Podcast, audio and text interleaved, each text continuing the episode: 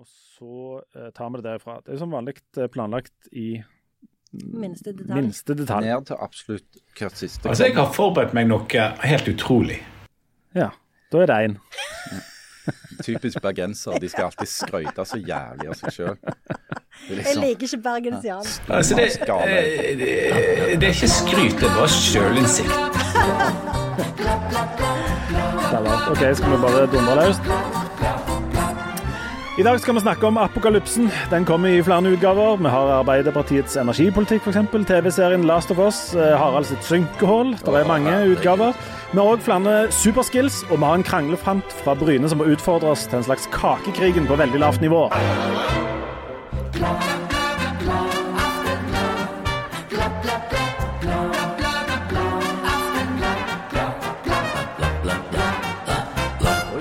Hjertelig velkommen til, til Aftenbladet.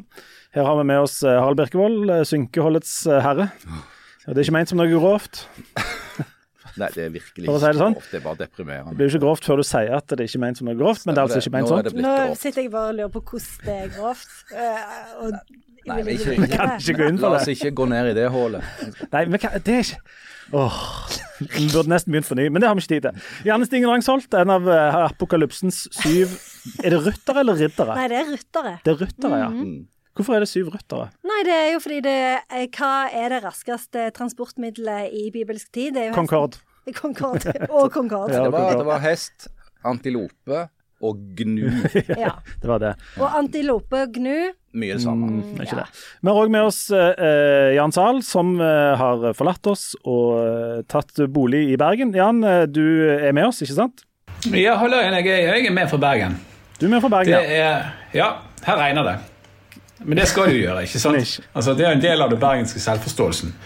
Så, Men- så jeg, jeg sitter, men jeg sitter tørt. Jeg sitter inne på et hotell. Så jeg er på sånn seminar. Akkurat. Hva slags seminar er du på? Ja, det er sånn seminar. Da er det seminarmat, og så er det, så er det evaluering, da. Eh, Så er det seminarblues. Altså det er alt det som seminaret kan by på. Og det er Har dere sånn hatt evaluering tørre allerede? Jeg har ikke, altså, jeg har ikke evaluert ferdig ennå, men det kommer nok. Ja, Ok. Og du Leif Tore, hva, hvordan går det med deg? Jo, det, det, går, eh, det går voldsomt godt. Jeg har jo da eh, fått litt å tenke på. For Sist gang så, så begynte vi å, å snakke litt om våre egne sånne superskills. Altså ting som vi er veldig gode på, som en kanskje ikke skulle tro. Du er grælig god å legge i handleposer, f.eks. Ja, Og lage lapper. Det var mine to Ja, ting. jeg husker det, og deres var Hva var det dere var flinke til? Jeg husker det ikke. Husker dere det sjøl? Hallo! Husker du Jeg husker det? i Eh, Janne sa jo at jeg, hun er sykt mye sterkere enn hun ser ut. Ja, ja, ja, ja, ja. Og det fikk vi bevist. Hun, ja. hun løfta jo meg i et slags mullaløft. Og, og din superskill, Harald, var å få mange kilo til å virke veldig lett, eller? Ja, jeg, er, jeg er forbausende lett til å, å veie Du er, 115 veldig, du er veldig enkel å løfte. Ja. Du er en veldig sympatisk ja, ja. eh, løfteperson. Ja, for det, det er så fast Ja. og godt, Ikke sant? Mm, dette er det. fettet. Mm. Men dine superskills var Jeg er veldig god til å gjette hvor langt skihoppere hopper ja, før Ja. lengden er kommet opp på skjermen. Nemlig. Mm. Jan, du hadde òg noen superskills eh, som jeg ikke tar igjen. Eh, jo, du er ekstremt god å pakke lett. Når du reiste til Bergen nå, hvor mye hadde du med deg? Ja, så Jeg har jo denne, den fjell, fjellreven, da. Så, altså, den har jeg ikke fylt. Den har jeg eh, liksom sånn en tredjedels full.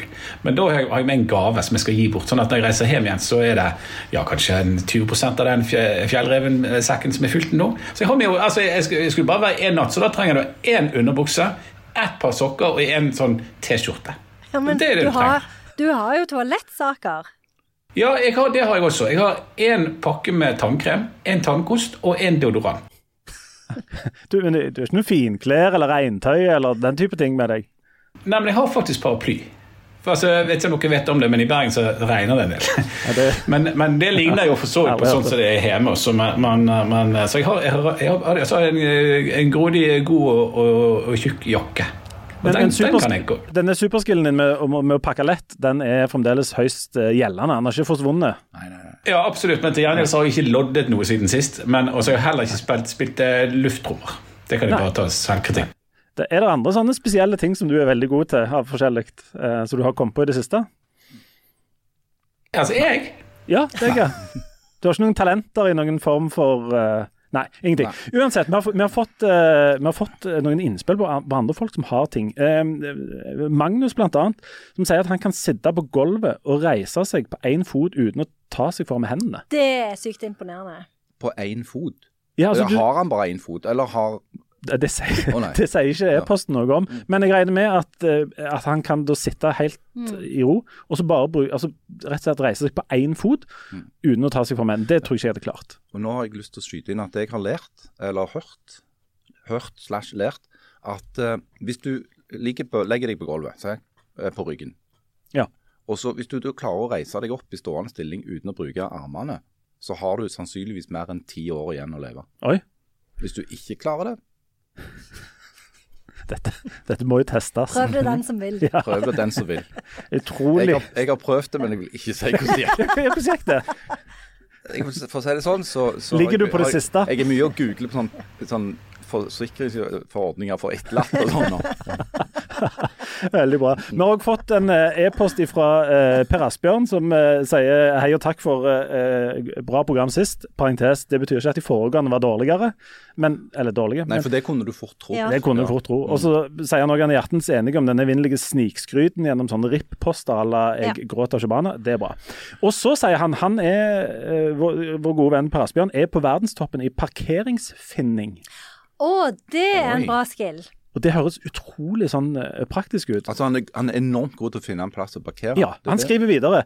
Eh, noen, eller vi skal lese det på østlandsk, siden dette, eh, jeg mistenker at dette kommer fra Østlandet. Noen i nær horisontal relasjon kaller dette for flaks. Jeg mener det er en opparbeidet evne til å utsette seg selv for de beste mulighetene.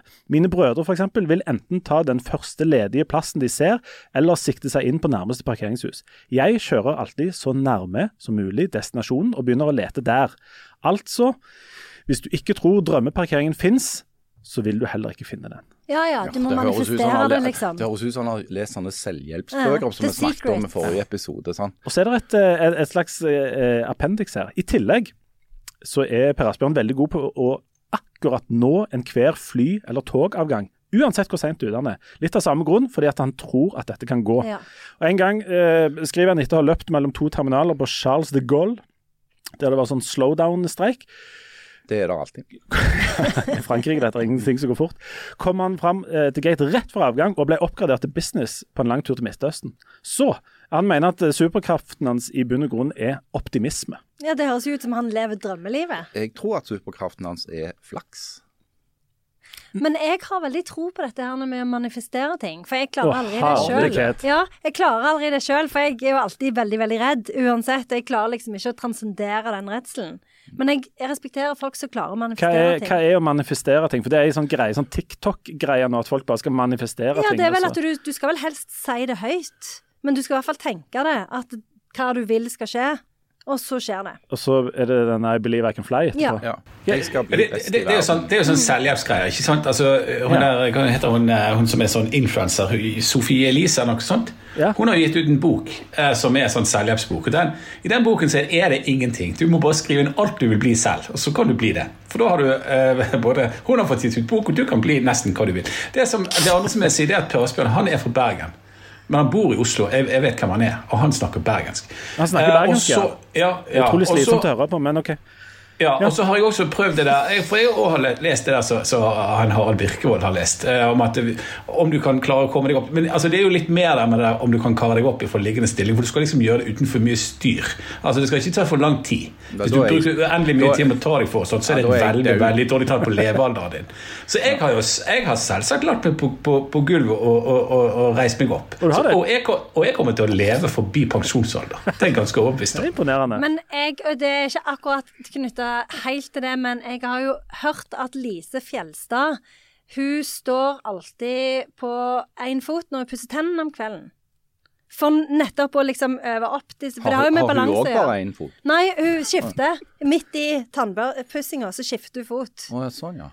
Eh, men- Et annet tips som, for to tips som jeg følger fra Lise Fjelstad. Det er det ene. Og det andre er å ta, drikke et glass vin og så klippe håret. Fyll, kan jeg gjerne følge gjerne på sosiale medier for flere sånn Lise Du må, du må jo alltid drikke før du klipper deg. Det Ja. sier seg sjøl. Men eh, Hallo. noen av oss har ikke dette som et problem. Bare nevne det. men, men, ja. dette, skal altså, dette skal altså gi deg et bedre liv, pusse tennene bein, fot? Nei, nei, det med Nei, det det, det nei, med balansen du skal se hvis du Det klarer er med å- hvor, hvor lenge du kan leve, så må du holde balan balansen ved like. Og For du det er å stå på én fot lukka øyne? Ja, jeg er kjem... Jeg, det hold, henger faktisk sammen med at jeg er så sterk. Jeg har enormt god balanse. Nei. Jeg balanse. òg pleide å ha det, men nå er jo alt i fritt fall. Ja. Ja. Så det er jo heller ikke Men du, er jo, du har jo ikke lenger enn til vinterferien igjen. Begynn første helga i vinterferien. Nei, Du har lenger det. Altså, jeg, jeg, har, jeg har naboer som påstår at hvis du er over 50 år, så kan du ikke både lukke øynene og holde balansen og stå på ett ben. Nei, Og så. Jo, og så demonstrerte han. han. Han stilte seg opp og lukte, lukket øynene, og så sto han på ett ben, og så ramlet han. Og så sa han eh, 'prøv du', og så gjorde jeg det. Men jeg ramlet ikke. Hadde han gjort den der Lise Fjelstad-varianten, han hadde drukket veldig mye klippsigarett før dette. For det kan spille inn. Tro meg. Jeg, eh, Ja, det tar jeg ut å kan lære. Hvordan syns dere at denne aktualitetspodkasten utvikler seg? Nei, vi skal, vi skal prøve å komme oss inn på sporet igjen, men eh, vi skal ta en til sånn superskill, for det der er ganske interessant. Vi har fått en eh, en, e-post fra Ida. Hei, Ida. Hei, Hei. Jeg Uh, skal bare si før vi leser den at hun, hennes e-post eh, kulminerer egentlig i et ganske interessant uh, spørsmål om lokalpolitikken i Stavanger. Det Ida skal vi ta opp en annen gang, men vi rekker ikke over det nå. Men hun, hun skriver altså um, at denne episoden eh, fikk meg til å tenke over om jeg har noen superskills. Da kom jeg på en idé som jeg hadde for eh, flere år siden, skriver Ida. Rett og slett en forretningsidé som jeg ikke har turt å sette ut i livet. Eller i livet, som det gjerne òg heter. Eh, Jeg vil gjerne at alle skal like meg og egenskapene mine, og de ønskene fungerer ganske dårlig sammen for dem. Nå må jeg høre. Jeg er ekstremt god på å være håret i suppa eller steinen i skoen. Altså, Det er Idas superskill. Å, ja. Å være hår i suppa og stein i skoen. Jeg er ekstremt god på å stille ubehagelige spørsmål, påpeke når selskaper eller ledere eller personer handler helt på tvers av de uttalte verdiene eller målene de har. Hun jobber i bærekraftsbransjen, eh, og der er det mye å ta av, skriver hun. Mange syns at det er kjekkere hvis alle andre gjør det, at, sånn at de sjøl kan fortsette sånn som før. Og de færreste liker, liker hår i suppa eller stein i skoen. Derfor Derfor tar jeg godt vare på de folkene som faktisk føler en form for glede med å kjenne litt på det ubehaget. Og det er en ganske spesiell superskill å kunne være Enormt irriterende. en Det er akkurat som Jesus. Jesus var jo litt sånn hår i suppa. Han Han var jo sånn eh, eh, Gjorde eh, ting på Sånn velta de der borda i tempelet og alt det der. Jeg har hørt at Jesus var den første som drev med endringsledelse. Nei. Endringsledelse er jo noe annet. Det er jo noe annet. Jan, Jan sant, Jesus drev med endringsledelse. Ja, gud, nå vet ikke hva han drev på med. Men, men altså, jeg bare har sånn minne av altså, Vanligvis når vi, sitter, vi fire sitter inne i et rom, ikke sant? og så diskuterer vi et eller annet. Og så er dere tre hjertelig enige. ikke sant? Og, og Harald han, han og Janne driver og omfavner hver- hverandre. Så tror du at du skal finne seg et rom eller gjøre et eller annet, og du sitter der helt sånn glatt. Så er det en som pleier å si noe annet, som har et annet syn, som er litt kontrær. Altså, som er litt Ida. Blir jeg noe populær av det? Nei. Det blir jeg ikke. Jeg blir upopulær og uglesett. Og, og, og hva du kommer her og kommer her, liksom. Men Bare- du ble jo altså, uglesett med god grunn, Jan. Det er jo fordi du sier så mye dumt.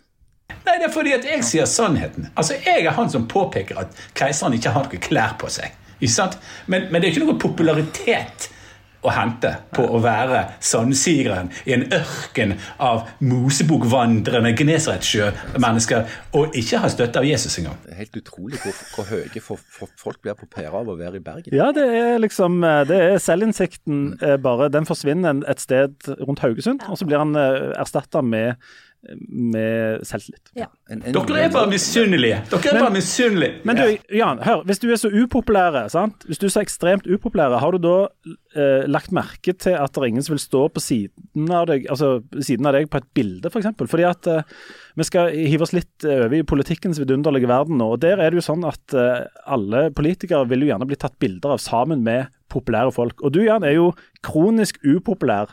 Er det sånn at folk, men med en gang det skal tas bilder av det, så rømmer de, så blir du stående helt alene på bilder? Har du Altså, opplevd det, det? som er litt merkelig, det er at alle spør kan du ta det bildet. så tar jeg alltid et bilde. F.eks. når det skal tas bilde i denne podkasten, så sier alltid Janne Jan, kan ikke du ta bilde, for du er så god til å ta bilder. Og gjerne veldig Og så er det, alt, det er alltid jeg som tar bildene, og jeg har ikke tenkt på hvorfor før nå. Men nå forstår jeg det. Nå kan han har funnet det ut nå. Ah. Vi får finne på en ny strategi, rett og slett. Men det var gøy så lenge det varte. Ja, vi har hatt mye moro med det, har det, med vi har andre. det, må være lov å si. På Jans bekostning, ja. Vi har liksom sagt du er så flink til å ta bilder. Ja, kan ikke du ta bilde? Ja. Bare fordi at vi ikke vil ta bilde med han. Jan, du som har iPhone 9, kan ikke du ta det? Du har så mye bedre telefon enn oss.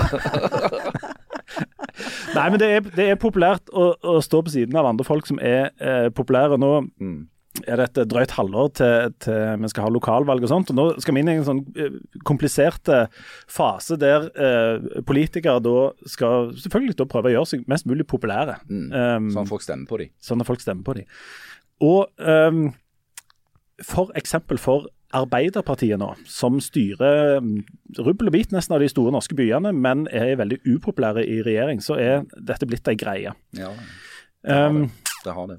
Fordi at f.eks. en ordfører i Stavanger eller Sandnes vil jo gjerne ha besøk av sine populære eh, partikamerater for rett og slett for å ja, sole seg i glansen av andre populære. Men nå er de ikke så populære. Det var nettopp en måling, Harald, der disse Arbeiderparti-folka ikke gjorde det veldig godt igjen.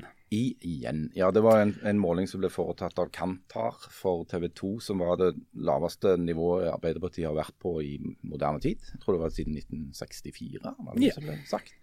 Så, så det er klart at Arbeiderpartiet, Arbeiderpartiet ligger jo liksom nå og vaker rundt 16-17 på målingene. Det er jo et katastrofetall sammenlignet med valgresultatet i, i eh, eh, 2021, hvor, hvor de havna på, på litt over tror jeg, seks- Mm.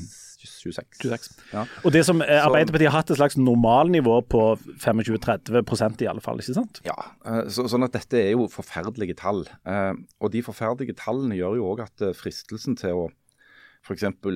invitere partileder eh, og statsminister eh, over til histen og pisten for å kaste glans over lokale politikere, kanskje ikke er så stor. Eh, det var en, en kommentator i eh, Stavanger Aftenblad, Ja. mener jeg, så, så skrev en kommentar En Ganske god eh, Ja, vil du altså, si, eh, ja det sto iallfall noe sånt ja, som Ren eh, feilansettelse, eller hvordan Ja, eh, vurderer du det? Nei, altså men, Ja, men- det var rein, det, var, det stemmer. Hysj med deg. Men det, det sto iallfall i den kommentaren at når det gjelder ordføreren i Stavanger, da, Kari Nessa Nordtun fra Arbeiderpartiet, så har hun på en måte to hovedmotstandere Ja. i valget i høst. Og det er jo da hun Sissel eh, Hegdal Knutsen fra Høyre, og så er det Jonas Gahr Støre fra Ah, ja, det var litt fiffig. Det var ganske fiffig Ja. Um, og det var det du som skrev. Ja, det var det jeg som skrev. Ja. Og tanken bak det var rett og slett at um, vi satt bl.a. og diskuterte her hva for noen sånne rikspolitikere det er som blir For de ble jo nå piska rundt i, i landet for å kaste glans over sine lokallag. Ja, ja, ja. Erna holder jo på å pakke veldig lett, og sånn som Jan. ikke sant? Og for å dra eh, Bergensere har det jo med å pakke veldig lett. Ja, de har det. Ja, og, og skal dra rundt og kaste glans, histen og pisten. Ja, og, og min, min teori her er jo da at f.eks. Eh, lokale Arbeiderpartifolk her ikke, Det er ikke sikkert at de ringer til, til Oslo og til Jonas Gahr Støre hver dag for å prøve å få de her til. Derimot så tror jeg det er ganske god konkurranse om å få, få ditt eh, bys barn på besøk, Jan. Erna Solberg, eh, har du sett hun der, eller er hun i, i Larvik og Narvik og Ja, jeg Bodø tror, og i- jeg, tror, jeg tror hun var opptatt i Oslo i går. Altså, jeg mener hun, han kommenterte disse tallene, som, som jo ikke er så gunstige for, for Jonas, for å si det forsiktig. Altså, det, er jo, det er jo veldig rart med, med den menneskelige psykologi. Altså, Si at du er et voksent menneske. Og så, og så, Ja, si- si at altså, du er det i teorien. Så oppfører deg vanlig. Ja, og så, og så lakker og lir det mot valg, og du skal velge hvem er det som skal styre landet eller kommune eller fylke eller hva det nå måtte være. Og så går du rundt og lurer på det. Ja, hvem skal jeg stemme på? Og så eh, så te- så tenker jeg, ja, hva skal jeg basere det på, da? Hva er det jeg mener om ditt og datt? Og så plutselig så kommer det et besøk fra Oslo, f.eks. At eh, Jonas Gahr Støre eller Erna Solberg at, de, at du går forbi de, eller at de blir tatt bilde av på en sånn selfie, så tenker du ah, ja, da må jeg stemme på de. Ja. Eh, fordi at de er i byen. altså Det er jo en helt utrolig tanke. Eh, Så, så bare for å ha det i parentes, det er jo veldig rart at et besøk av en, en eller annen fyr eller en eller annen dame fra Oslo eller Bergen skal få, skal få særlig mye å si for politiske resultater. Men akkurat i dette tilfellet så tror jeg at, at den feilansettelsen av en kommentator har, det er et lite poeng som man sannsynligvis har hørt andre folk, f.eks. med hovedfag i sammenheng med politikk, analysere seg fram til allerede. Men altså at, at, at det tvert imot kan være et problem at det sentrale partiet driver på med, med, med, med, noe som bare ikke er populært i det hele tatt, og at det trekker ned de lokale. Så at de må på en måte distansere seg samtidig som de er en del av det samme laget. For de kommer seg ikke unna at de er jo Arbeiderpartiet. Det er de som sitter og styrer nå. Så, så ja. Ja. For øvrig, for øvrig så, har, så har jo Arbeiderpartiet byrådsleder i Bergen også, også så, så, så det er jo samme problemet her. Roger. Ja, eh, men altså. Professor, professor Drangsholt. Jeg skulle bare si at jeg leste den eh, teksten din, Ja. Leif Tore. Jeg syns den var veldig fin. Og så et par dager etterpå så, så jeg bilde av Kari Nessa Nordtun med Trond Giske. Mm. Så da følte jeg at det bare var en sånn en slippery slope. Ja, det, det er jo en slippery slope. det sier jo sitt. Altså når, når lokale eh, Ap-tropper heller vil bli avfotografert sammen med Voldemort i Nidaros enn enn med sin egen partileder og statsminister, så, så er det jo noe som skjer. ikke sant? Og, og dette her er jo ikke uh, Denne, denne feilansettelsen som formulerte dette, tok du ikke he, liksom helt ut av løs, løse lufta. For at eh, Arbeiderpartiet er et stort og komplisert parti, særlig nå. at de, de, Regjeringen viser det seg jo er ikke superpopulære. og Det henger jo sammen med mange ting, men det henger nok først og fremst i hop med, sånn, eh, med strømregningen vår. Altså, Det- Arbeiderpartiet har jo akkurat endra statusen sin på Facebook faktisk til 'It's complicated'. Ja, og det er ingen underdrivelse. Nei, det er ikke det. Nei. Eh, for det, dette handler om litt sånn indre stridigheter i, i dette partiet, om hvordan, eh, hva som skal prioriteres, hva for noen hensyn som skal tas når vi skal snakke om energi. Og vår, eh, altså Ordføreren i Stavanger, Kari Nesse Nordtun, har vært leder for Arbeiderpartiet sitt energiutvalg. Yes. Eh, og det er en konstruksjon som er, er satt opp for å liksom stake ut veien for Arbeiderpartiets energipolitikk. Mm.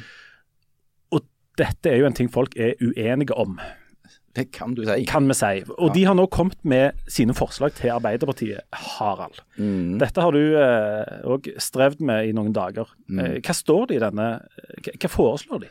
Nei, altså for, for å si sånn kort innledningsvis, så var dette energiutvalget som Kari Nessa Nordtun har ledet, ble, eh, ble satt ned da av landsstyret i Ap, som er det øverste organet i partiet mellom landsmøtene.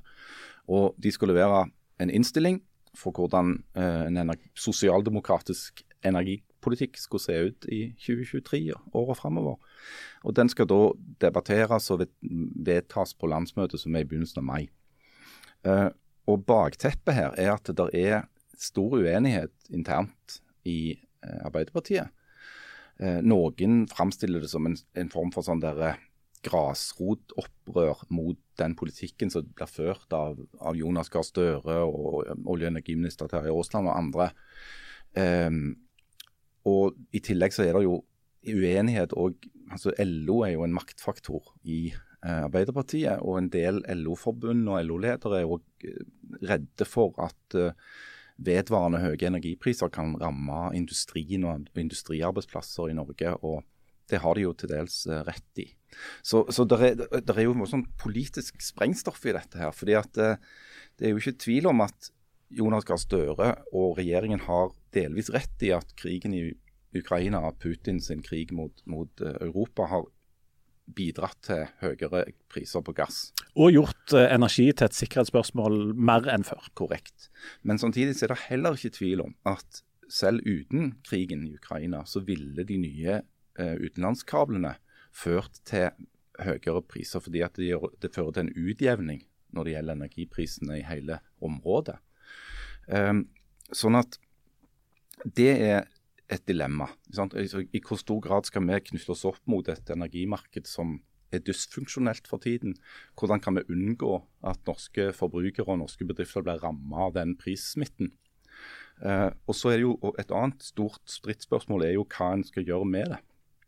Eh, løsningen, eh, for det at Noen dager før Energiutvalget kom med sin innstilling, så kom den eh, stortingsoppnevnte Energikommisjonen med sin. Og Der var jo svaret bare å bygge mer ut av alt.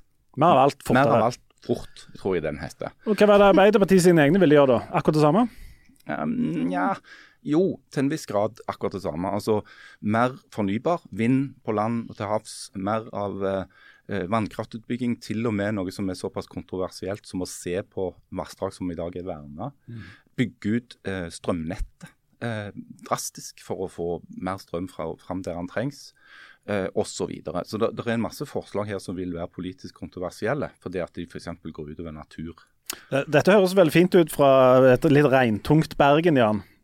Ja, her er det jo masse kraft og energi. Du kan bare koble en dynamo på en bergenser, så kan du fyre opp egentlig hele halve Norge og sende en del eksportkabler til, til Skottland, f.eks. Altså, jeg har en, jeg har en følelse av at, at, eh, at de, den rapporten som ble levert av, av Kari Nessa Nordtun til slutt liksom ikke var helt sånn eh, glassklar og lysende eh, som, og sto helt i forhold til det hun hadde sagt litt tidligere. Altså, hun, hun hadde vært ute og, og egentlig kritisert det sentrale Arbeiderpartiet og den, og den sentrale politikken.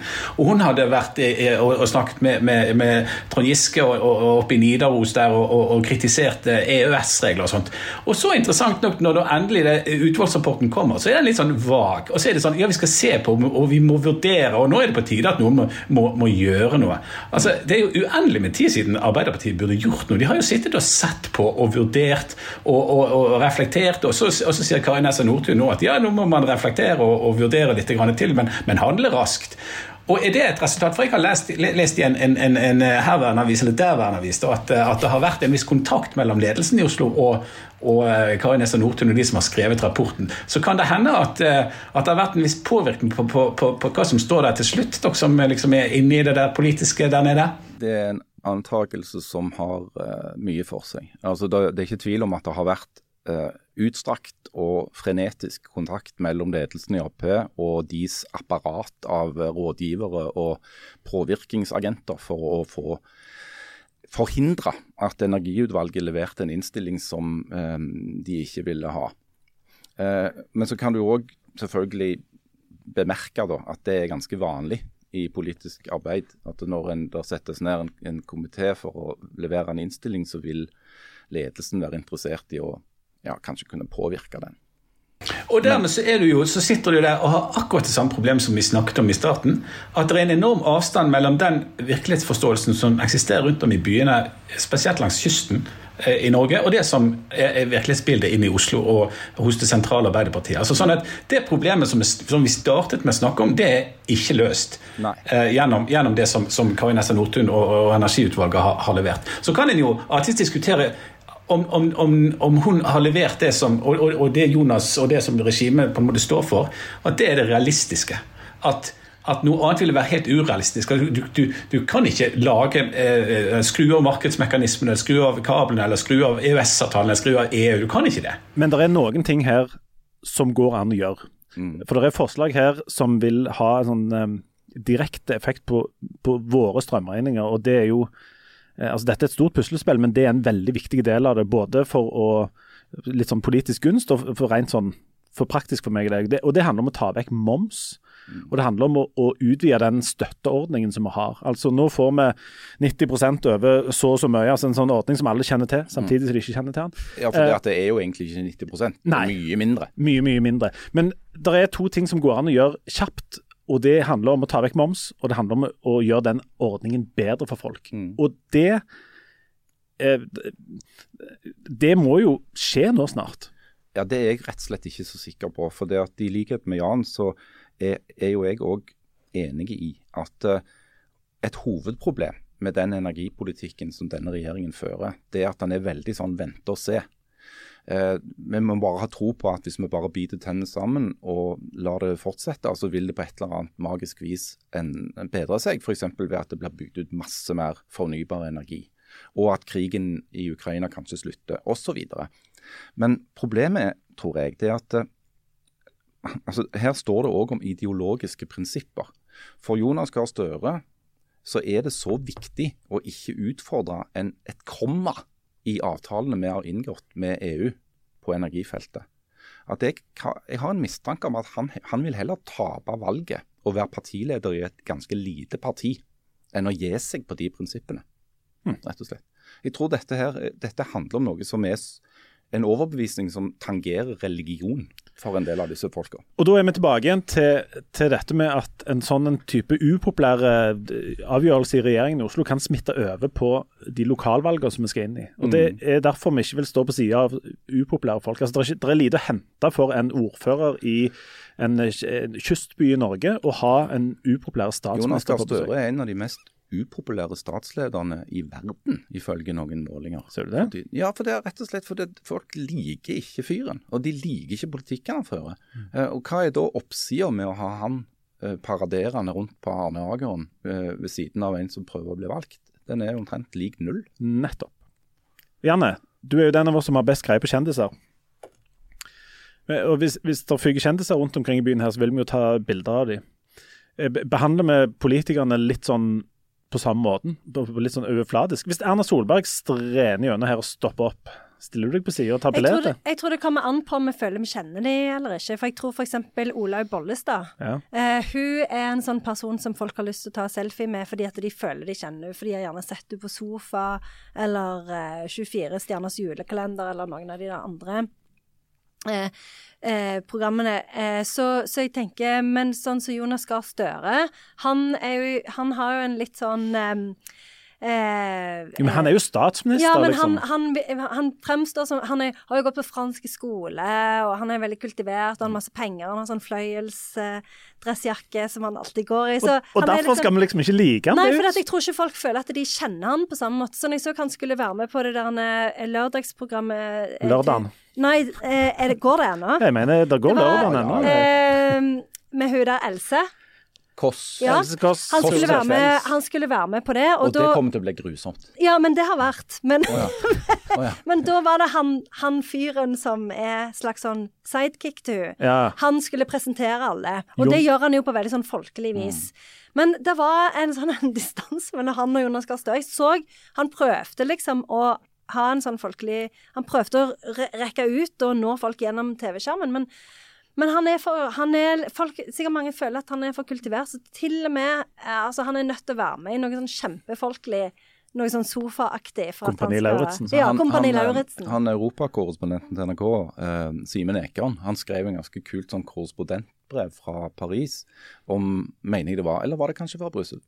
Uansett, eh, Jonas Gahr Støre var på besøk, ikke sant. Og der er han jo i sitt ess. Når det blir spørsmål om hvilket språk vi skal ta disse forhandlingene på, så sier jo han det er samme for meg, jeg snakker alle sammen, jeg. Og han, han, han, han er jo veldig salonfeg, som det heter. ikke sant? Altså, han, er jo, han, er jo, han er jo elitenes drømmeperson. ikke sant? Og sånne kompetente folk, de vil vi ikke ha, Jan. Nei, det, det er sant? oppskriften på å tape et valg i Norge, hvis du, øh, hvis du skal liksom være litt sånn Ja, for da må du i hvert fall ha et litt sånn For Jens Stoltenberg er jo, har jo litt av det samme. Han er jo eh, elite. Han er jo liksom Kennedy-klanen i Norge. Men han klarer likevel den overgangen, sånn som når han var hjemme hos uh, Torvald Stoltenberg og de lagde sild, eller hva det var sammen. Sånn? Folkelig. Sild og brunost. Ja. Det må holde det, Jan. Sild og brunost.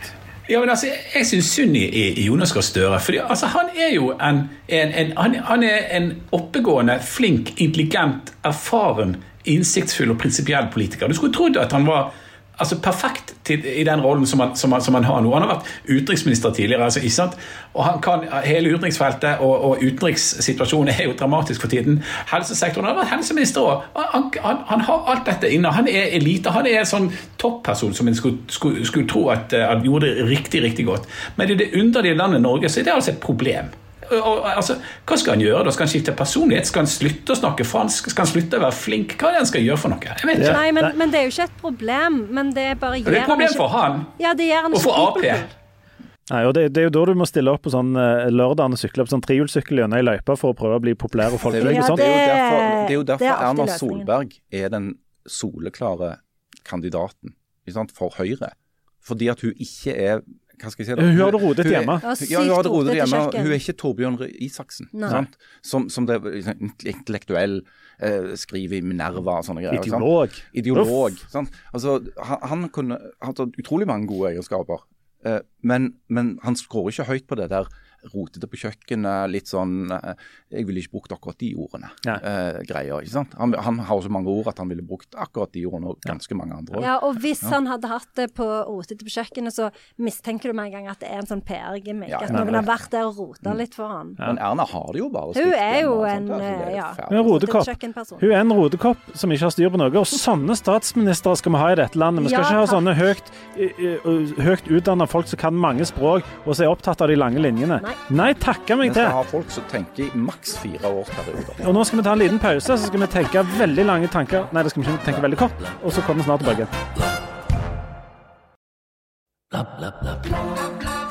Og hjertelig velkommen tilbake igjen. Nå har vi eh, tatt noen lange prinsipielle avgjørelser som vi ikke husker lenger. Altså er vi populære blant folket og kan bli eh, statsminister. Um, Jeg går som vanlig for kortsiktig popularitet. Det har vært Du- mitt credo hele livet. du har jo vært enormt kan, du, har, du har den unike tingen at du har både vært veldig lite populær i lange perioder og Ekstremt kortsiktig. Helt, ja, ekstremt kortsiktig. og, og vært super upopulære, men, men i korte perioder. Ja. Det, det, Altså, jeg satser på, jeg satser på langvarig og prinsipiell upopularitet. Som en, som en sånn du Jonas. det lykkes du godt. Du, om du kan ta et bilde av oss etterpå, forresten. eh, Bare så vi, vi må ikke glemme det, Jan, at du må ta bilde av oss andre. dere, altså, altså, det er det som er det fantastiske i dette tilfellet. At uh, nå må dere finne ut hvem er det som ikke skal få være med på bildet nå. Altså, for Jeg kan ikke ta bilde. Nå, nå må dere peke ut fotograf selv. Jeg har funnet ut hvordan den sjølutløseren fungerer Oi. på kamera. Ja, Vi kan bare ta det sjøl. Du, dessuten er jo du snart tilbake igjen fra Bergen, eh, håper vi, eller frykter vi. Og, og da kan jo du ta bilde av oss, Jan. Det må jo gå an. Ja, det går Ja, det, da, altså, jeg stiller alltid opp. Ikke sant? Det er herlig. Du, før, vi, før Janne nå skal snart lede oss inn i apokalypsen, noe du har et nært og varmt personlig forhold til. Du har jo levd i under sånn apokalyptisk trussel siden den dagen du ble unnfanget, regner jeg med. Stemmer det? Men før det så skal vi bare kjapt innom det som da blir halvveis til Bergen, nemlig til Haugesund. For du har, var i eh, Haugesund på mandag, for da kom eh, den dommen i Birgitte-saken. Ja, det gjorde han, gitt. Eh, som jo er en, eh, en av disse eh, lange, vonde sakene som eh, har plagt vårt distrikt lenge. Og eh, Vi skal ikke snakke veldig mye om den, men er det nå sånn at alt er opplest vedtatt, og den eh, saken er ferdig og ute av eh, sinn og Nei. Nei.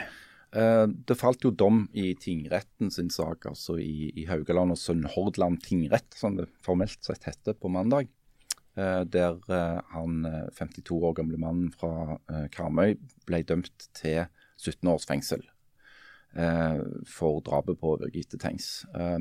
Den dommen er da anka av, av 52-åringen, sånn at med mindre lagmannsretten sier nei til å ta han opp til behandling, noe det er en veldig lav sannsynlighet for, så vil den bli, bli tatt opp til doms i lagmannsretten i Stavanger i september. Så da blir, eh, etter alt å dømme, så blir det en ny runde i den saken der. Uh, og du, som du sier, så er jo altså drapet på Birgitte Tengs i, i mai 1995 uh, har jo blitt en av de mest omtalte eh, kriminalsakene, uoppklarte kriminalsakene i, i Norges historie.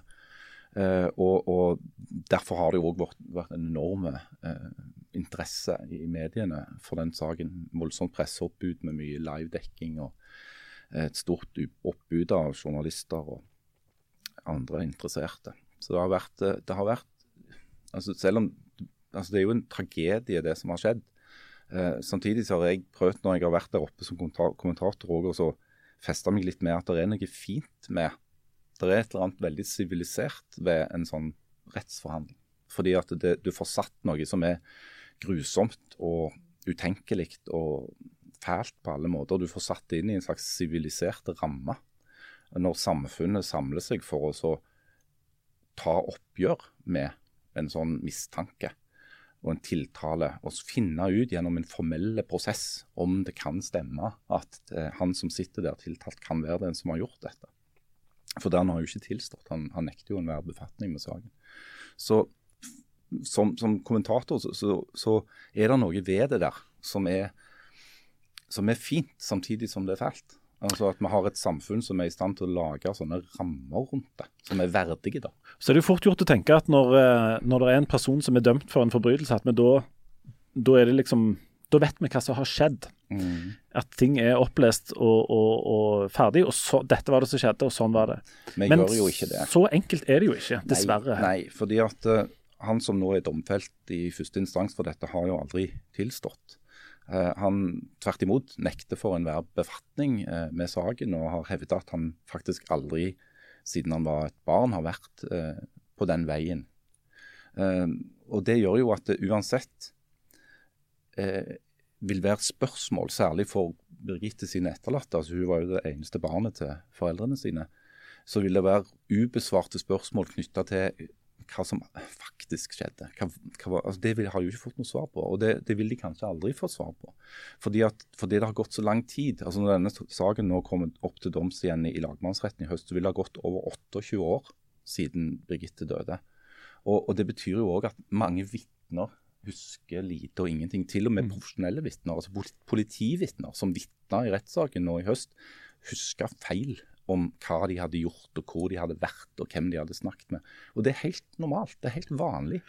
Sånn at det der, der er, det, og vil nok alltid være, eh, ubesvarte spørsmål, med mindre eh, det, det skulle skje noe dramatisk i form av f.eks. For en tilståelse. Denne saken er anka og skal eh, opp igjen i eh, Det blir vel i Stavanger, faktisk? Ja, i lagmannsretten i Stavanger. i høst? Det, ja, i september.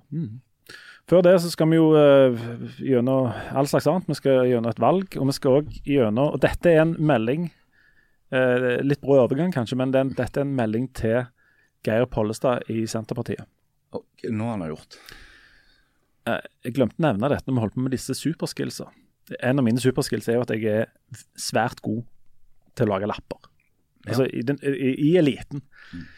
Eh, her en dag så fikk jeg en eh, litt eh, bråkjekke melding fra en Geir Pollestad, Senterpartiets eh, mann på Stortinget, som eh, sier 'jeg er bedre enn deg å lage lapper'. Hæ? Å ah, ja. Akkurat, ja. Frekkhetens Ja. nådegave. ja. Det er litt sånn eh, Men, og da var det ferdig? Nei, overhodet ikke. Hanskene er kasta. jeg protesterte jo på det sterkeste. Sa at dette, kan jo, dette er jo helt urimelig og kan jo umulig eh, medføre noe som helst eh, eh, sannhet. Så jeg, jeg bare fastslo at nei, det er, jeg er bedre. Der han følger opp med nei, jeg er best. Um, Å ja, så dere hadde en diskusjon på et såpass høyt retorisk nivå? ja, dette er en kommentator og en stortingsrepresentant som diskuterer et fag. Ja. Nei da, jo da, nei da, jo da. Sånn gikk det fram tilbake. Joho, sa jeg på et tidspunkt. Så, Ja. nei. Så sa jeg, og dette er det jo bare en måte å avgjøre på, egentlig. Og det er eh, Så vi, meg og Geir Pollestad har Det er gjerne litt tynn, tynt grunn- Snakker vi om å fyre opp takker her? Og, Ja. og, og få det, ha en showdown? Altså, eh, eh, vi er jo klar over at dette er gjerne et litt tynt grunnlag for en hel festival.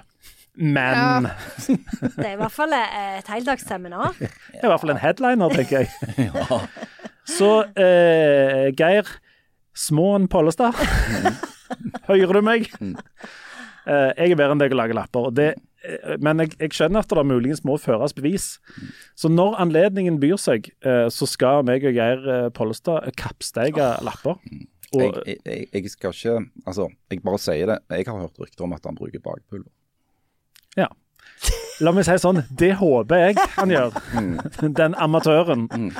Eh, jeg, det eneste jeg frykter, det er at Geir Pollestad har gjennom Senterpartiet tilgang på noe helt sånn spesielle sånn råmelk, som er liksom sånn Så med sånn nitroglyserin Ja. som er halv meter høye, bare Ja. du ser på dem. En eller annen sånn eh, håndmassert eh, ku som er fôra opp på rene lapper eller noe sånt. Men OK, han får få de eh, Han har jo så mange andre handikap at han får få det fortrinnet. Han, han kommer jo ikke fra, fra en melkebakgrunn. Det, jo, det går jo mye i fjærkre der, Ja. i den familien. Men der, der kan være spesielle egg, f.eks. Ja, det kan han kan, der kan være egg fra hane, f.eks. Så kommer det en sånn stor overraskelse. Han, han har haneegg i, i røret. Det kan være sånne ting. Men Geir, dette skal skje. Vi skal ha en bake-off. Bergen, I Bergen så heter det ikke lapper, det heter svele. eller noe sånt. Hæ? Jan, heter det sveler? Er ikke det Ja, ja, ja, ja, det er Svela, men da må du lenger ut på, på, opp på, på, på liksom Nordvestlandet. Hva heter det i Bergen, Men da? eh, Knasjeknuter? Nå må ikke du gjøre narr av den, av den vakreste dialekten på jord. Det heter lapper.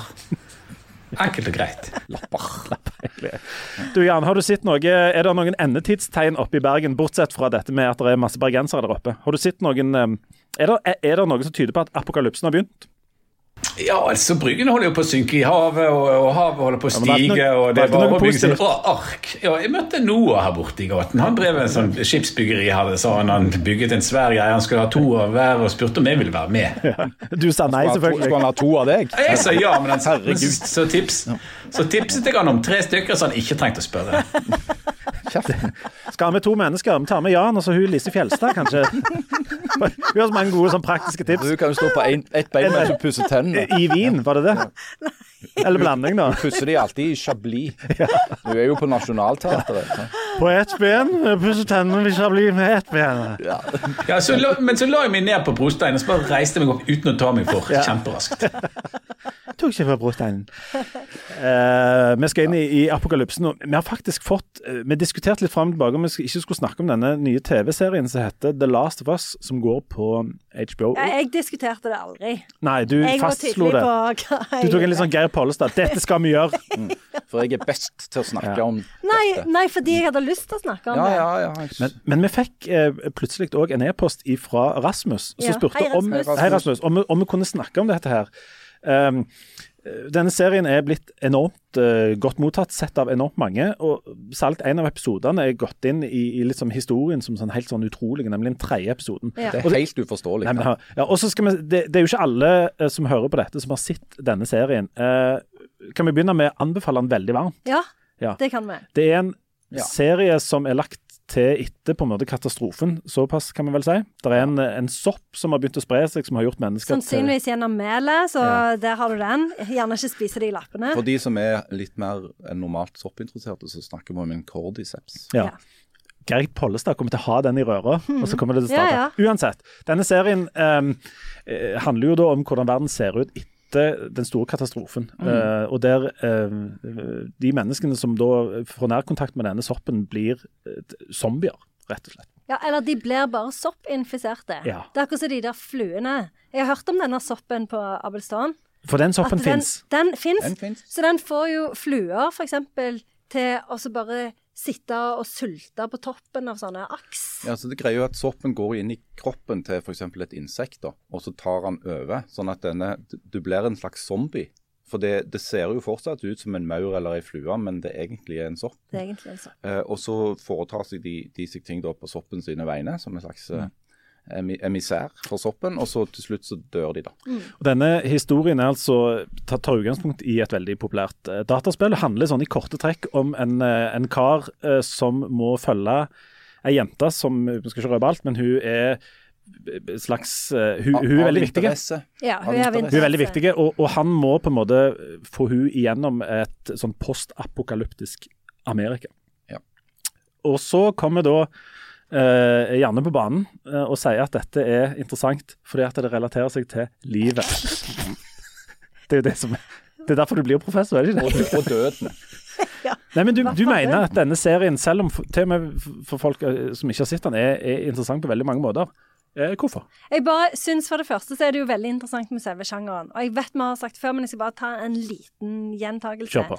Fordi på 1600-tallet så begynte jo eh, utopien som en sjanger. Og da var det jo fordi folk var så gira på opplysningstid og, og fornuften og syntes at liksom livet så eh, vakkert ut, og tenkte vi har muligheten til å bygge liksom til perfekte samfunn. Så da var det en del tekster som ble skrevet om det. Men etter hvert som den industrielle revolusjonen skreid fram og kom utover 1800-tallet, så kom jo dystopien til.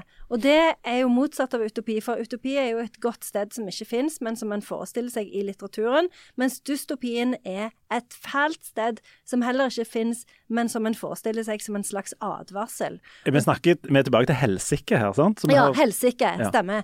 Og så er det jo sånn at det, det er jo noen eh, som knytter denne følelsen, da, denne angsten som dystopien bygger på, knytter de opp mot jernbanen. Fordi folk var jo livredde Hæ? for jernbanen. Ja, ja. Og det var jo mange som hadde sånn eh, railway spine og sånn, sånn de fikk sånn whiplash-skade av, eh, ja, av jernbanen og ble traumatiserte og ble deprimerte.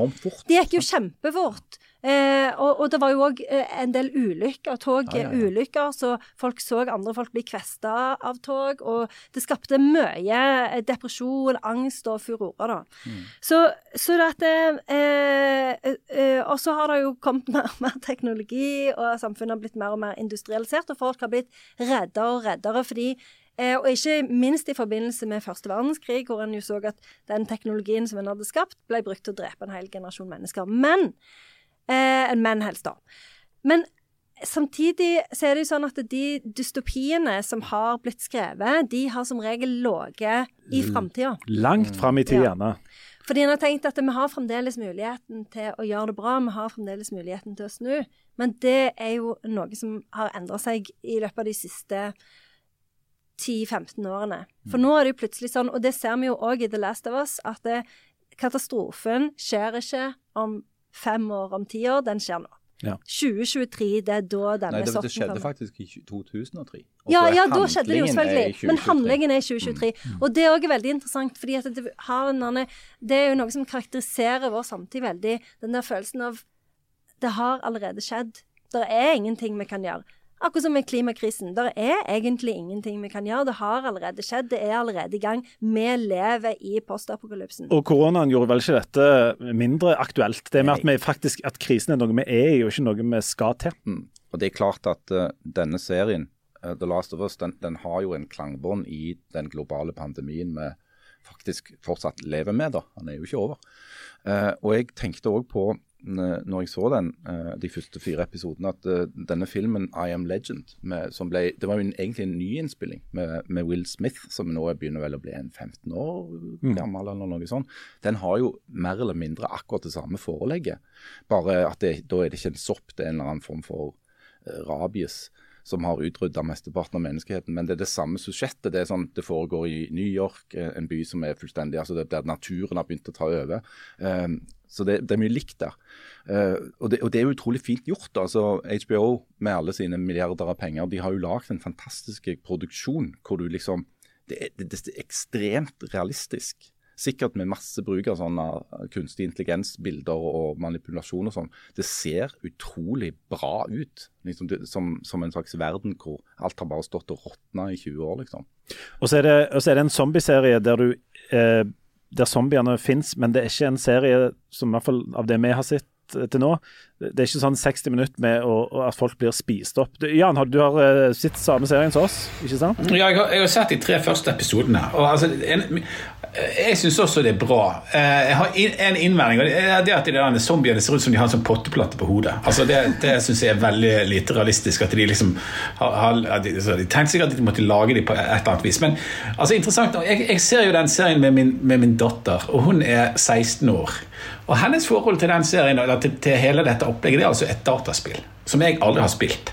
Og Det betyr at når vi sitter og ser dette spillet Det, det, det, er ikke et spill, men vi ser denne serien, så vet hun ting om om disse skapningene og karakterene og handlingen som jeg ikke vet. Så hun kan si ja, det er en klikker.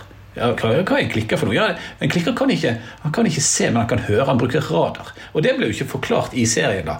Og, og, og, og, det er interessant nå når det nå har altså For Du kan gjerne snakke om den industrielle revolusjonen og 1600-tallet, opplysningstiden og, og, tiden og trender innenfor TV og alt det greiene der, men, men det, dette jo, har jo altså utgangspunkt i et dataspill, der du er en aktør selv. Så det er du, det er du som skal, etter det, etter det jeg forstår, altså lede eh, et menneske og komme deg gjennom alle disse farene. Så du er en aktør.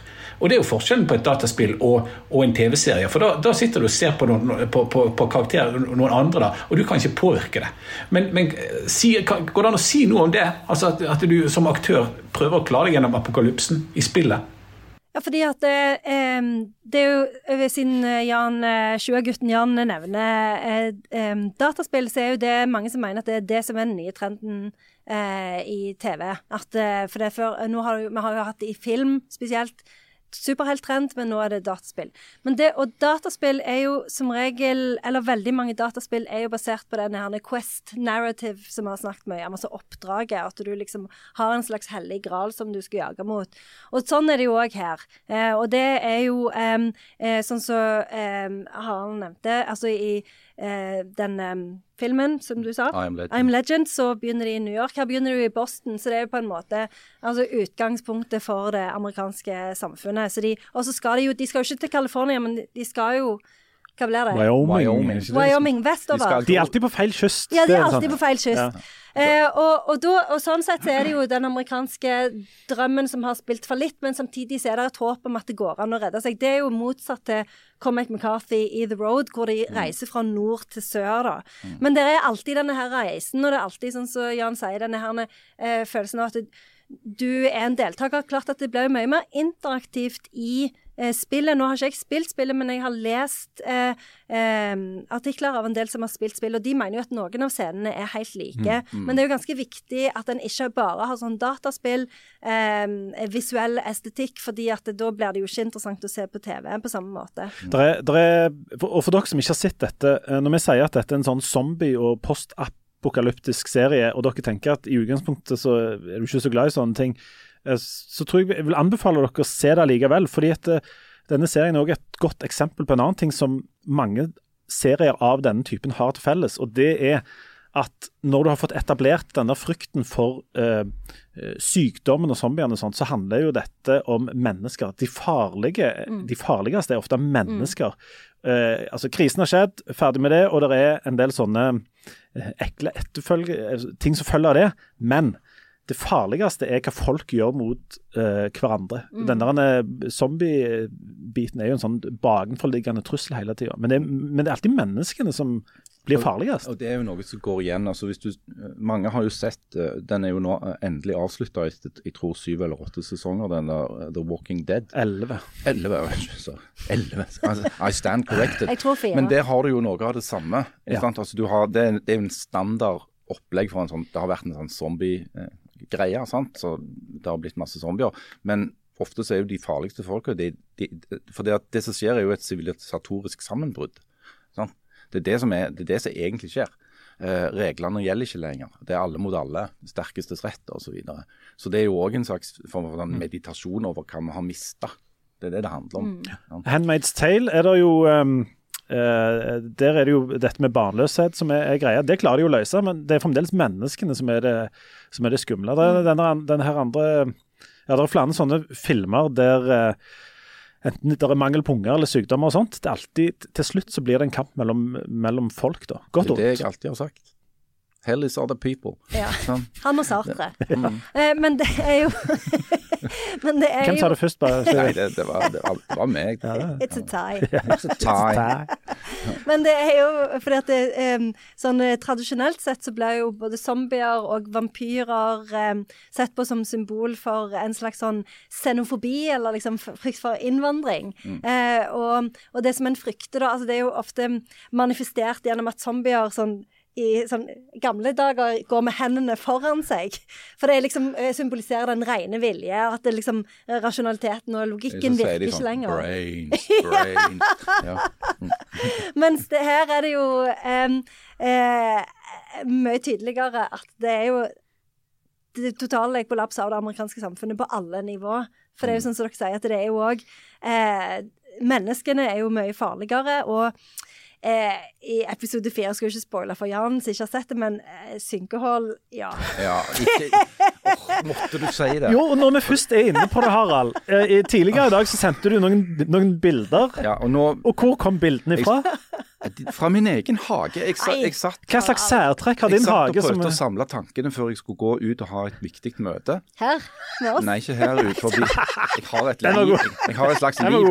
Eh, Men uansett så satt jeg der, eh, drakk litt kaffe, kikket tomt foran meg, tenkte hva jeg skulle si. Og plutselig så var det en mann i oransje klær i hagen igjen. Og denne gangen hadde han med seg en slags stang. En slags målet måleting. En sånn Geigerteller. Jeg vet ikke. Men uansett så gikk han og steg der ute, så tok jeg bilde av han og tenkte fader, altså, bør jeg, nå tenkte jeg, nå, Ja. nå går jeg ut. Nå går jeg ut, og så spør jeg hva er det dere holder på med?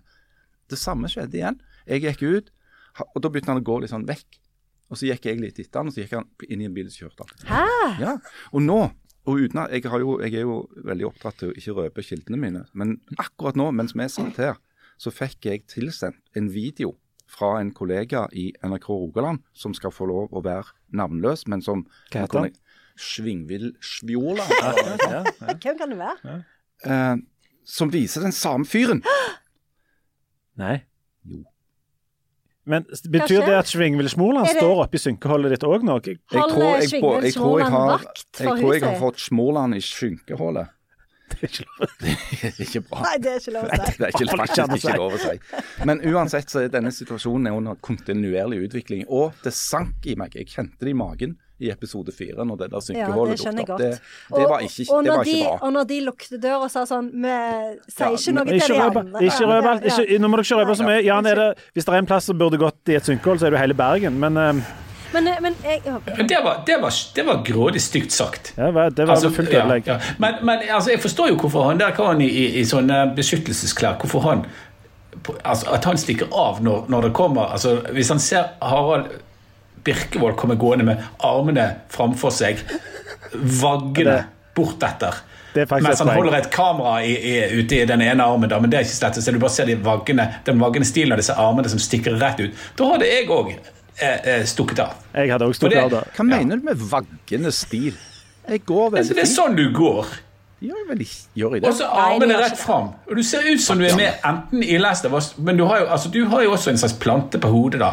som du har tatt med brylkrem i, og så går du som en zombie. Hva er det? Hva skjer?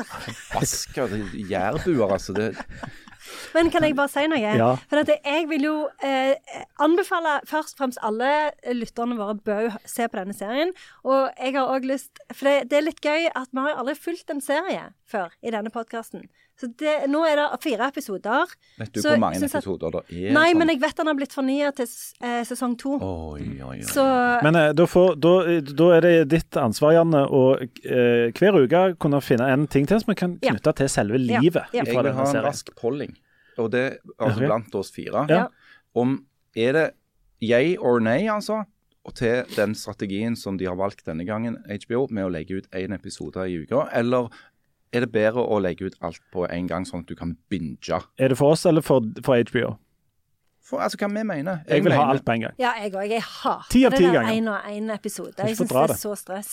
Jeg mener vanligvis syns, òg det. jeg syns det er litt fint at de legger ut én og én, for da, da blir det litt grann som advent. Altså, Ja, jeg, jeg- altså, det er jo alltid jeg som mener det motsatte, men, men jeg har jo rett. jeg hadde tenkt da å si gå- det samme som Jan, så- men nå mener jeg ikke det likevel. Ja. Så kan du gå og glede deg, sant? og så blir det, så blir det grådig tidlig når, når endelig eh, så kommer episodene. Så kan du sette det deg ned hadde- og så det var det jeg hadde tenkt å si, men nå mener jeg ikke det Nei, men altså, um, hvis vi skal snakke om det en gang i uka på podkasten, så er det jo veldig gøy, for da er vi jo på samme sted. Ja, det er sant. Mm, så vi skaper jo en slags fellesskapsfølelse. Podkastvennlig. Ja, det er det. Mm. Men dette, dette, jeg føler at denne, det der med å legge ut én og én episode, det bryter mot den der kontrakten jeg trodde jeg hadde med disse folka. For jeg trodde at dette var 2.0-versjonen av fjernsyn, Ja. nemlig at jeg ikke trenger vente på noe. Jeg kan se alt Mm. når jeg vil. Men jeg skjønner jo at uh, jeg da kan bli en litt sånn kort, kortvarig abonnent hos de. Men eh, vi, når denne apokalypsen kommer, for den kommer jo, eller vi lever midt oppi den Vi lever i den nå. Det er mikrodystopien. mikro, mikrodystopien. Mikrodystopien. Er det disse superskillsene som vi har snakket om, hvem av oss vil få mest bruk for sin superskill der? Jeg tenker at i, når katastrofen har skjedd, så vil det være positivt å lage bedre lapper. Mye bedre lapper enn Geir Pollestad, men jeg vet ikke om det holder helt inn. Og dette med, dette med å pakke lett, Jan, det, det, Det blir bra. Ja, det blir veldig Ja, Det er jo en kjempefordel. Hvis du skal gå over hele Amerika så Vi, vi kjørte jo over store deler av, av det sørvestlige Amerika i sommer. Og det er stort. Altså Det er langt. Hvis du skal gå så langt, så må du kunne pakke lett. Og så må du kunne litt grunnleggende om elektrisitet, for det er masse sånne elektriske gjerder og sånn. Og din superskill, Harald, som jeg alltid glemmer. Å gjette hvor langt folk hopper i skihopp, tror jeg ikke vil Den vil ikke gi meg noe særlig fordeler eh, etter apokalypsen. Men Janne derimot, som er jækla sterke Nemlig. Så det jeg tenkte, hvis du kunne Jeg kan bære med meg et tre, eller noen Meg? andre. Ja, Ja. eller Harald. ja, Eller alle verdens bekymringer på ryggen din. For det, nei, ja. Det kan du ikke. Men eh, det, for det virker veldig nyttig å kunne ha noen på laget som kan bære andre folk med seg, for en ble jo alltid skada i post- og postapokalypsen. Absolutt. Men Ja. hvis du kan bære meg fra til B, så kan jeg gjøre mye sånn praktisk arbeid når jeg er kommet fram. Ja, du Flytte tunge ting. Du har en funksjon i gruppa. Du kan, du kan bære Harald fra østkysten til vestkysten, mens han sier, at, sier hvor langt folk kan hoppe. Da kommer det hva? 2,40. Jan? Ja, men Jeg syns vi har et riktig bra opplegg der. For da kan, altså jeg kan pakke lett og bære lett, og så kan Janne bære Harald. Og så når vi slår leir, så kan du eh, lage lapper. Dere, Og så dere, dette er veldig siste Dere tegner et bilde nå hvor vi skal tilbringe postokapokalypsen sammen. Jeg er ikke sikker på om vi vil det. Hva var det som gjorde at disse, bare være med Janne. men tenk deg, hva, ja, hva var det som gjorde at disse fire klarte å overleve? Jo, vi hadde en som kan bære lett, en som kan pakke lett, en som er god til skihopping, en som er bedre å lage lapper. Ja. I hvert fall bedre enn Geir eh, Men- Småen Uh, Pjokken, Men Pollestad. du må jo finne en annen måte å lage dem på det hvis det er sånn, for nå er det jo indikasjoner på at soppen faktisk har vært i melet. Ja, det er sant. Oh. Sant? Så at det, du får finne noen sånne barkelapper. Ja. Jakarta ja, Ja, for det var derfor det var bra at de ikke fikk tak i pancake mix. da får det bli sånne, eh, sånn eh, barkelapper. Og uten at jeg ville røpe noe av oppskriften min, i tilfelle at han eh, eh, Geir Tjukken Pollestad holdt på Unnskyld, Geir. Geir Pjokken Småen Pollestad hører på. Duttjukken. Så jeg vil jo si at uh, det skal andre ting enn mel i denne røra. Det, her der er, der er mm, Jeg kan ikke si mer om det. Jeg vet at alle vil høre det, men dere, neste gang jeg lager lapper, skal jeg ta bilder av det og sende ut, så kan dere stå og være misunte. Særlig du, Geir Smekken Ja, men vi får, uh, vi får ta Ja. smake. Så er hansken kasta til en bake-off. Men nå, er, nå må vi ut i eh, apokalypsen og bære tungt. Tippe på skihopp, pakke lett eller steke lapper, alt etter sammen. Um, hvis det er noen av dere som har flere Vi vil gjerne høre flere sånne superskills, for det er ganske løye. Så ta gjerne kontakt med oss på Ja, og innspill om eh, The Last of Us. Innspill på The Last of Us, Ja. ikke minst, på uh, bladblad.aftenblad.no. Neste uke snakkes noen av oss uh, live i Stavanger. Oi, oi, oi. oi. Vi andre snakkes i vanlig form. Det er allerede neste uke. Herlige. London. Det blir Gillan. Ja, det blir knall. det. Det blir knall. Vi gleder oss voldsomt. Det er sikkert det siste vi gjør før verden går til knoll i helsike. som de sier oppi der. Er det noen avslutningsord fra, fra Bergen? Ja, jeg kunne tatt nystemt, men jeg tror jeg skal droppe Nei, det. det går helt eh, Det greit uten den. greit uten den. Så vi takker for nå. Ha det! Ha det. Kanskje du reiser men- til Trondheim neste gang, så kan, vi ha det på, kan du ha det på sånn Giske-dialekt? Ja, kan jeg snakke på sånn, trøndersk? eh, og kjærkål, det likte jeg. ja. Eller Ja, høres ut det er noe inntrøndelag? Min, noe